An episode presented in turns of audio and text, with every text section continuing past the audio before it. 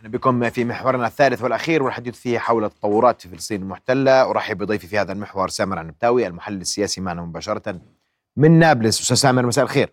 أهلا بكم مساء الخيرات. رؤيا بودكاست. أستاذ سامر يعني كثيرة التطورات لكن سأكون مع النقطتين الأساسيتين. الأولى اقتحامات الأقصى وتكرار اقتحام الأقصى هذه الأيام أهدافه أسبابه غاياته ولماذا يدفع الاحتلال نحو هذا الأمر مجددا اليوم؟ نعم آه، بالنسبة للمسجد الأقصى المبارك فعلا اعتداءات واقتحامات المسجد الأقصى المتكررة فيها غلاة المتطرفين مثل هودا جيليك مثل دعم من بن جفير واضح أن التوجه بشكل مكثف وبشكل ممارسة شبه يومية من أجل هم يعني استطاعوا إلى حد ما تحقيق التقسيم الزماني للمسجد الأقصى والآن يسعون إلى التقسيم المكاني وفرض أمر واقع داخل المسجد الأقصى. وبالتالي هذه العمليات مدعومة من نتنياهو مدعومة من الحكومة الفاشية في دولة الاحتلال تذهب بهذا الاتجاه. وبالمناسبة التقسيم هو حتى يعني مرحلي بالنسبة لدولة الاحتلال. الآن هم يتجهون بشكل أوضح للسيطرة التامة على المسجد الأقصى وبناء الهيكل كما يزعمون يتحدثون عن البقرات الحمراء جلبت من تكساس. وبن جبير نفسه الوزير بن جبير يتحدث عن ذلك أن خلال أشهر ممكن إحراقها وتقديم قربان من أجل الهيكل.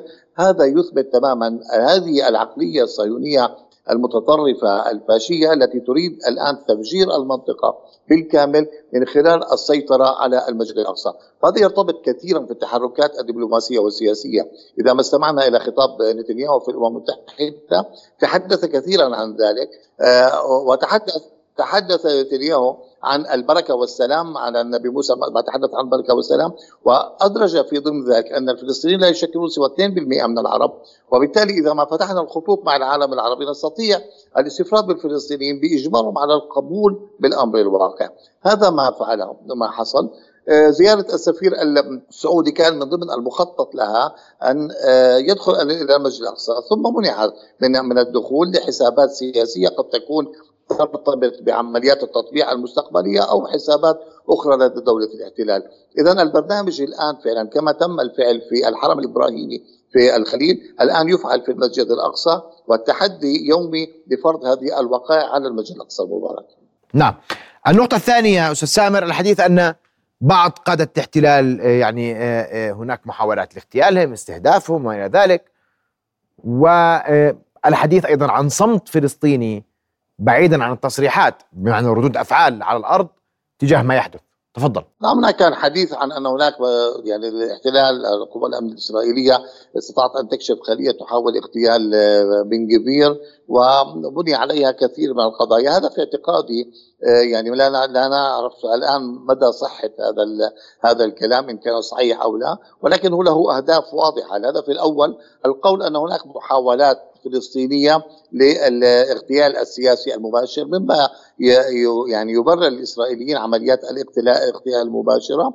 ومنها أيضا الضغط في الداخل على لتشديد القبضة البوليسية على أهلنا في داخل حدود 48 وأيضا على الضفة الفلسطينية بحجج أن هناك محاولات للاغتيال. وبالتالي هذا يندرج أيضا في التصور الإسرائيلي بأن الآن التوجه للقضية الأمنية بشكل كبير وللمربع الأمني بشكل أكبر من قبل نتنياهو وحكومته والعودة إلى المسلسلات السابقة عمليات الاغتيال وعمليات الاعتقال وأيضا الهدم والاجتياحات اليومية، كل ذلك يبرر هذا الموضوع في وجهة النظر الإسرائيلية. الآن إذا ما كان هناك اغتيالات فلسطينية لشخصيات وكانت في السابق مثل رحبعم زيفي الذي تم اغتياله على أيدي الجبهة الشعبية في تلك في تلك الفترة لضرورات هم يحاولون تحذير الداخل الإسرائيلي قد تكون لحسابات سياسية داخلية لحكومة نتنياهو وقد يكون الأمر قد يتجه إلى الواقع ولكن هم ربطوا كل ذلك بانه بتوجيه إيراني بتوجيه من حزب الله وبالتالي أن هذه العمليات تأثير لدور إيران الذي شدد عليه كثيرا نتنياهو في خطابه الأمم المتحدة. وصفهم بالطغاة وصف إيران بأنها تحاول العبث وافشال ما سماه بالعملية السلمية. وبالتالي هو يحمل المسؤولية هنا لإيران وعلى حزب الله في إطار تحميل المسؤوليات فعلا. والتوجه أن هناك توجه في المنطقة للسلام ولكن ما يعقي يعيق ذلك هو ما يسمى بمحور المقاومة، هذا هذه الرسائل التي يحاول ايصالها نتنياهو من خلال الحديث عن هذه الاغتيالات أو محاولات الاغتيال. نعم، أشكرك كل الشكر المحلل السياسي سامر عمتاوي كنت معنا مباشرة من نابلس، أشكر وجودك معنا. رؤيا بودكاست.